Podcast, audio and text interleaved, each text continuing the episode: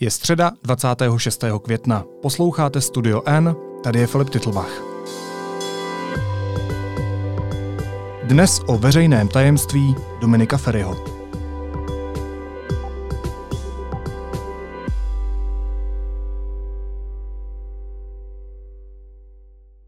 Řada žen poskytla svědectví o svých zkušenostech s chováním poslance Dominika Ferryho. Některé tvrdí, že s nimi měl sex, i když to výslovně odmítli.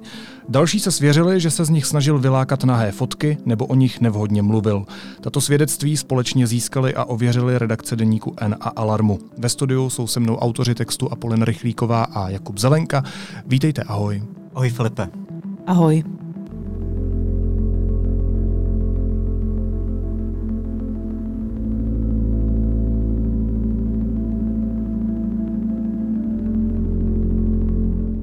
Jaká svědectví máme k dispozici? Tak eh, jedná se o velmi citlivá svědectví a je u nich velmi důležité, abychom si nic nedomýšleli nebo nic nepřidávali. Uh, tak já asi, jestli bychom tady dovolili, tak ty výpovědi přečteme, aby nedošlo právě k žádnému zkreslení. Uh, my jsme kontaktovali řadu žen a nebo ozvali se nám některé sami a první třeba dívka, které v textu říkáme Petra, nám třeba vyprávěla tohle. Logicky mě zajímalo, jaký je ve skutečnosti osobně, protože lidi se ve virtuálním prostoru chovají trochu jinak. Měli jsme i pár společných známých a tak jsem ho pozvala na večírek k nám, popisuje. V bytě, který měla s přáteli pronajatý, bylo podle ní víc lidí a Dominik Ferry přišel později, až byl večírek v plném proudu. V jednu chvíli začal můj kamarád se nadávat, že je blbá kráva a nikoho nezajímá, což nás trochu zarazilo, ale on se tomu smál a my nevěděli, jak reagovat. A dívka Petra také popisuje, že se během večera samozřejmě popíjelo.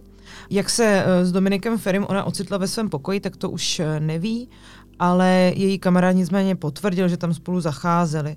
A Petra říká, že když začal tehdejší teplický zastupitel naléhat a dožadovat se sexu, tak ho opakovaně odmítla a on vzal noční stolek a zatarasil jim dveře abych nemohla spokoje odejít, tak to ona popisuje. Uh, opakovala jsem, že s ním sex mít nechci a žádala jsem ho, ať v nátlaku a fyzickém dobývání přestane. On se uh, na mě utrhl, ať prý držím hubu a už nic neříkám. A pak se na mě vrhnul a měl se mnou sex navzdory opakovanému nesouhlasu.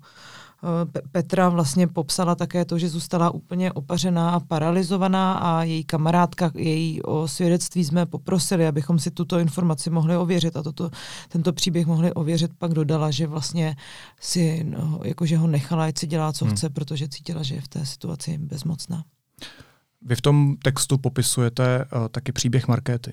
Ano, Filipe, popisujeme tam i příběh Markéty. Ta se s firm seznámila na sociálních sítích a ona nám řekla, že byl v té době už celebrita. Přišlo mi cool, jak propaguje politiku pro mladé a sám je jde příkladem. Chtěla jsem poznat, jaký dopravdy je. Naše žádosti o komunikaci se spojily a po čase jsme se domluvili rande. To jako na Tinderu, když jako jsou dva souhlasy, tak ty lidi se můžou psát, tak ty lidi, kteří neví, jak funguje Tinder, tak to také doplní. Vyšli jsme se ještě s jeho kamarádem a mou kamarádkou, popíjeli jsme a docela se bavili. Jediné, co mě zarazilo, byla jeho potřeba nás pořád schazovat. Něco jsme řekli, on na to drž hubu. Někoho nezajímáš. Smál se tomu, ale mě to příjemné nebylo. I proto jsem necítila potřebu párty pokračovat. Jenže kamarádka chtěla a kluci taky. Tak jsem si řekla, že to nebudu kazit. Pak se přesouváme vlastně v tom příběhu trochu dál, kdy Markéta pokračuje ve vyprávění, kdy se přesunuli do Ferryho bytu. A tam nám řekla, kamarádka zmizela do jiného pokoje s dalším návštěvníkem a já zůstala s Dominikem sama. V té době jsem do Prahy dojížděla takže jsem vlastně neměla ani kam jít. Spát jsem totiž měla právě u ní. Chvíli jsem si s Dominikem povídala, mně se najednou zdálo, že se chová mileji. Nicméně už té chvíli po mně vystartovalo, pokoušel se mě políbit a osahávat. Já jsem to nechtěla a jasně jsem mu ho požádala, aby mě nechal. A bránila jsem se tomu. Už mě ale neurážel a neponižoval a po chvíli mi nabídl, ať se jdu osprchovat. Věděla jsem, že tam budu muset nejspíš přespat a chtěla jsem se osprchovat, protože to tak před spaním dělám. A tak jsem šla do koupelny. Pak Markéta popisuje, co se vlastně v té koupelně událo. Uh, ty dveře nešly zavřít, uh, říká, že nešly nějak jakoby zamknout, to znamená, že vlastně byla odkázaná na tu důvěru, že tam někdo třeba vstoupí bez jejího souhlasu.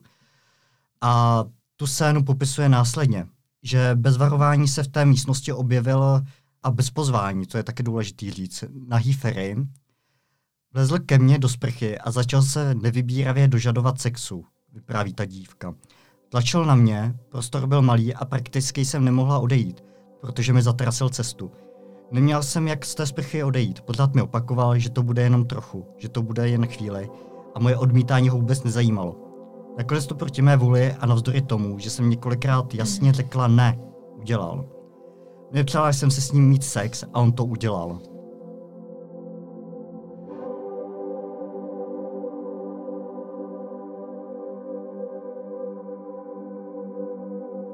No, jak eh, ty si, Filipe, uvedl na začátku podcastu, tak my těch svědectví máme opravdu řadu, no by se to dalo nějak škálovat od různých um, typů chování. Um, no a da- další, tak asi to, jakoby to další závažné svědectví, které jsme přinesli, bylo svědectví um, Jany, uh, která vlastně popisuje uh, ten svůj zážitek následovně popisuje, že Dominik Ferry ještě jako teplický radní se přistěhoval do Prahy a oni se náhodou potkali. Eh, imponovalo mi, že je zábavný a zajímavý a počase si někam vyrazili. Hned na prvním rande se mi chtěl na záchod, tak mi nabídl, že můžeme k němu. Když jsem vylezla z toalety, vrhnul se na mě a snažil se mi servat silonky, eh, popsala ta dívka. No, jí před tím nechtěným sexem, jak ona sama nám eh, řekla, uh, uchránilo pouze to, že řekla Dominiku Ferimu, že má menstruaci, ačkoliv to nebyla pravda a on tedy přestal naléhat a toho sexu se dožadovat. Ona to zpětně reflektuje, protože tady je asi důležité ještě říct, že tato dívka měla v té době, kdy e, s ním na to rande šla 17 let a hmm. měla za sebou pouze jednu vztahovou zkušenost a sama vlastně zpětně to reflektuje tak, že možná v ten moment už si měla uvědomit, že to není v pořádku, ale byla mladá, neskušená a důvěřivá.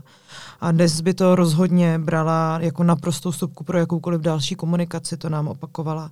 Ale tehdy si myslela, že prostě takový kluci bývají. A protože nehledala vážný vztah, řekla si, že to ještě zkusí, nechodili spolu, výdali se a občas spolu spali, jak popisuje Jana. Ale právě protože věděla, že Dominik Ferry má více partnerek, tak vyžadovala, aby ten sex byl vždy chráněný, protože to jí přišlo jako naprosto zásadní a no-go, aby vlastně spolu spali bez hmm. ochrany. A um, on několikrát, samozřejmě Dominik Ferry podle jejich slov naléhal, že chce mít uh, sex bez ochrany, ale ona nechtěla, nikdy neostoupila, žádala to.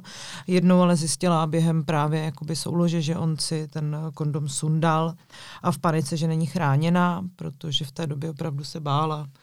Samozřejmě uh, podle svých slov o nasazení kondomu opakovaně požádala.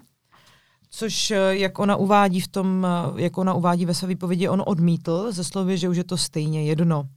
A Jana mm, opakovala, že prostě nechce v sexu pokračovat, nechtěla jsem pokračovat, on to nerespektoval, to je jedno, nemám to řešit, dělal to dál, i když jsem ho žádala, ať přestane.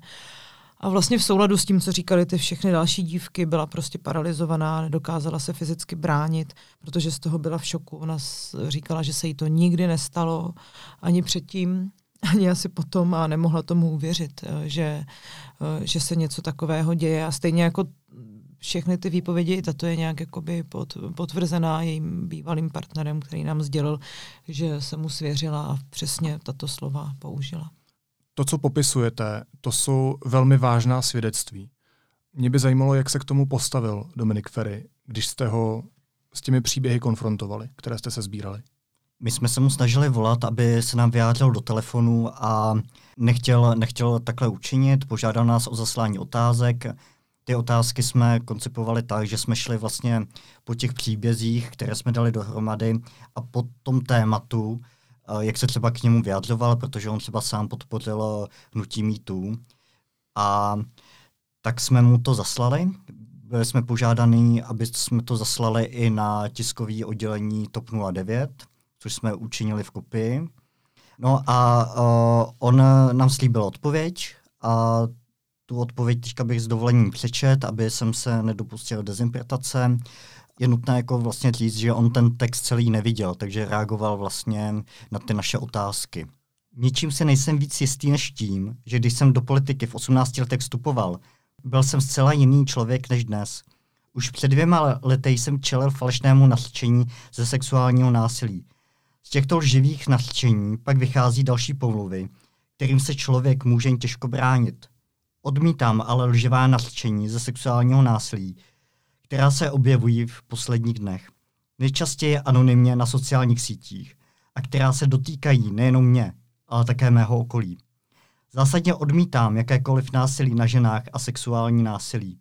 Se otevřeně přiznávám, že jsem se v některých momentech zachoval nevhodně, nepatřičně nebo v rozporu se zásadami gentlemanského chování. Pokládám to za osobní selhání a za bolavá místa nejen pro mě, ale především pro ty, kterých se mé chování mohlo dotknout. Mrzí mě to, hluboce a upřímně se omlouvám. Ušel jsem kus cesty a snažím se své nedostatky překonat. Věřím, že jsem se vydal správným směrem. Srdečně zdraví Judr Dominik Ferry. My jsme na začátku citovali, doslova citovali uh, tři příběhy, tři svědectví. Kolik se jich vám podařilo dohromady získat, Apoleno? My jsme v textu zpracovali několik svědectví, u kterých jsme dospěli k závěru, že jsou skutečně dostatečně podložená.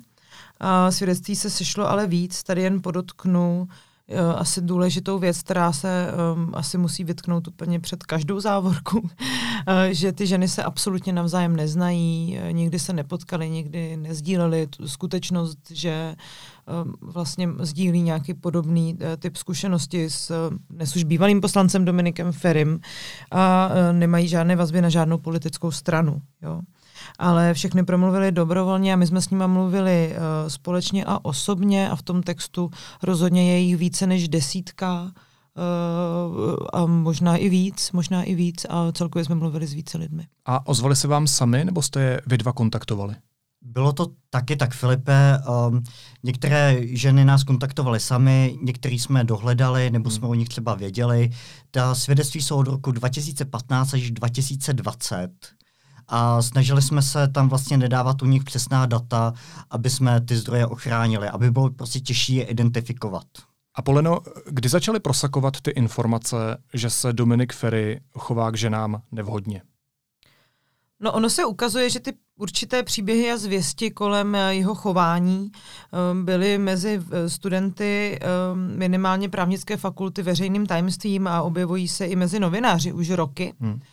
Oni se různě vynořovali, zase se zanořovali, ale ty zprávy o tom, jak on se chová, nikdy nebyly zveřejněny a nikdy hlavně nebyly ověřeny, takže zůstávaly pouze na úrovni nějakých drbů, což jsme se my rozhodli, pokusili jsme se to vlastně změnit a udělat tu práci poctivě.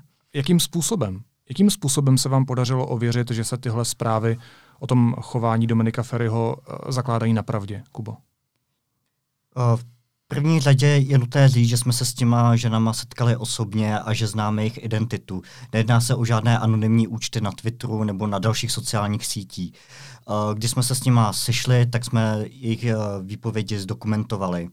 A měli jsme souhlas i s jejich zveřejněním, nic jsme tady nenahrávali, prostě eh, jsme je požádali, aby nám tu situaci popsali.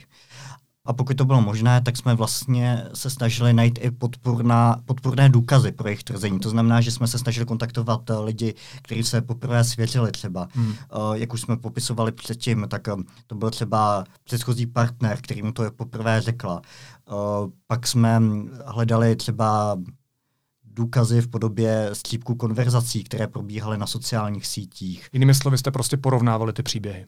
Porovnávali jsme ty příběhy a snažili jsme se prostě standardně novinářskými metodama ověřit, co nejpřesněji a co nejlíp. A takhle vlastně tyhle ty případy popisovaly i zahraniční média. Hmm. Jo, ta, ta, uh, teďka nechci říkat, že, to, že ty příběhy Dominika Ferryho a třeba Weinsteina jsou podobný, ale prostě v těchto těch uh, případech se pracovalo, pracovalo velice podobně, že se hledaly ty podporný, podporný důkazy. Ono teda to slovo podporný důkazy zní jako možná trošku pro, pro posluchače a posluchačky to může znít jako něco, že jsme si to chtěli potvrdit. My jsme jako naopak se velmi opatrně snažili, abychom ta svědectví měli jako z různých zdrojů a, a, a aby ti lidi vlastně mm, to popisovali sami za sebe bez toho, aniž bychom je třeba informovali přesně, jako co, co, co, co bylo řečeno nám.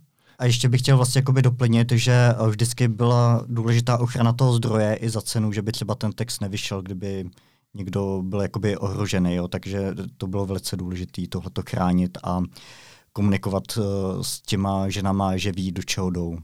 A Poleno, vy jste říkali, že se všemi ženami, se kterými jste se rozhodli promluvit, jste mluvili osobně.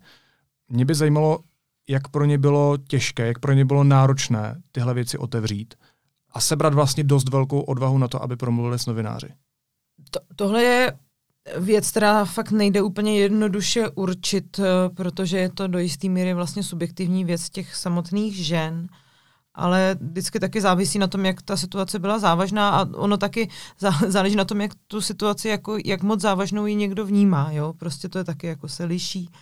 Každopádně se ale při otázce, jestli jako plánovali prožité jednání nějak oficiálně řešit, svěřovali mm, hlavně s obavami, že proti slavnému muži, který má tolik sledujících třeba na Instagramu a um, je obklopen vlastně takovou pozorností, uh, neobstojí a že taky Dominik Ferry to, to bude zesměšňovat. Um, taky se objevovalo, že svůj zážitek se snažili vytěsnit a asi důležité je říct, že ono občas opravdu pomůže, když se z něčeho stane vlastně veřejné téma, což je přesně případ um, této kauzy, protože ve chvíli, kdy se ukázalo, že je řada diskutujících pod tím hmm. úplně prvním tweetem, tak to asi dodalo odvahu ženám, že si uvědomili, že nejsou sami, protože oni jak se absolutně navzájem neznají a neznají, um, neznají třeba i někoho dalšího, kdo má takovou zkušenost nebo ví o takové zkušenosti, um, tak se cítili osamocený a návaznosti na ten uh, tweet uh, nakonec získali odvahu se ozvat osobně. No. Když mluvíš o té veřejné diskuzi, tak ona se samozřejmě otevřela veřejná diskuze i po tom vydání našeho textu. A uh, zaznamenal jsem tam několikrát otázky diskutujících, um, proč ty ženy nešly na policii, proč mluví s novináři. Proč se neobrací na policii? Uh, no, jako faktor tam hraje často třeba strach, stůd, snaha vytěsnit nepříjemný zážitek. Uh, Um, jedna svědkyně se například uh, cítila provinile, což nám vlastně jakoby řekla, když jsme to svědectví získávali. A to jsou prostě faktory, které o tom rozhodují. No ono je asi ještě důležité dodat to, že obecně je v České republice nízká důvěra v nějaké institucionální hmm. řešení uh, těchto problémů, což, um, na což jsou i různá data. Uh, jednoduše um, ženy, které mají takovéto zkušenosti, se třeba obávají retraumatizace ze strany policie, obávají se necitlivého přístupu, obávají se zesměšňování, bagatelizace a je proto velmi náročné pro ně uh, vyjít s tím na veřejnost veřejnost. Vy jste ten text zveřejnili včera. Zajímalo by mě, jakou měl dohru. Tak to má samozřejmě několik rovin. Um, za prvé se těmi svědectvími na základě našeho textu začala zabývat policie, o čemž taky informovala na Twitteru. Uh, napsala, že v následujících dnech bude rozhodnuto o tom, která součást policie šetření provede a jaký bude postup. No a pak samozřejmě je asi nutné dodat, že sám Dominik Ferry uh, rezignoval a rezignoval tedy uh, s vyjádřením, uh, že nechce, aby lživé a manipulativní články v médiích poškozovaly jeho nejbližší okolí a jeho kolegy a bude se bránit soudní cestou. Ještě jedna otázka na závěr. Uh, vzhledem k tomu, že je v plném proudu předvolební kampaň, tak by mě zajímalo, jestli se třeba uvažovali nad tím, jestli tohle téma odložíte, aby nemohlo být zneužito v tom politickém boji, anebo tohle pro vás nehrálo vůbec žádnou, absolutně vůbec žádnou roli vzhledem k závažnosti toho zjištění. Myslím, že rolí novináře Filipe není spekulovat o tom, jestli pravda bude nebo nebude zneužita. Měli jsme, měli jsme dostatek podkladů a dostatek zdrojů a dostatek informací a důkazů o, o chování Dominika Ferryho a dokázali jsme ho nějakým způsobem plasticky popsat. A kdyby jsme to nezveřejnili, kdyby jsme uh, to vlastně stopli kvůli kampani, i když se nám světlilo tolik obětí, pro který to bylo strašně složitý a někdy i se nebudem říct, eh, velice těžký jako zážitek, tak uh, bychom třeba mohli přijít i k důvěru a zároveň by to byla reputační, byl by to reputační problém pro nás jako novináře, pro naše jména, pro, naše, pro naši prestiž a taky pro prestiž samotných redakcí. Hosty podcastu byli novináři Apolena Rychlíková z Alarmu a Jakub Zelenka z Deníku N. Moc vám oběma děkuju, mějte se hezky. Ahoj. Naschledanou. Díky Filipe. A já ještě na závěr dodám, že v návaznosti na vážnost zjištěných informací se redakce rozhodly zřídit speciální bezpečný e-mail, kde je případně možné se nám ozvat s dalšími svědectvími. E-mailová adresa zní bezpečná schránka zavináč protonmail.com. Naslyšenou zítra.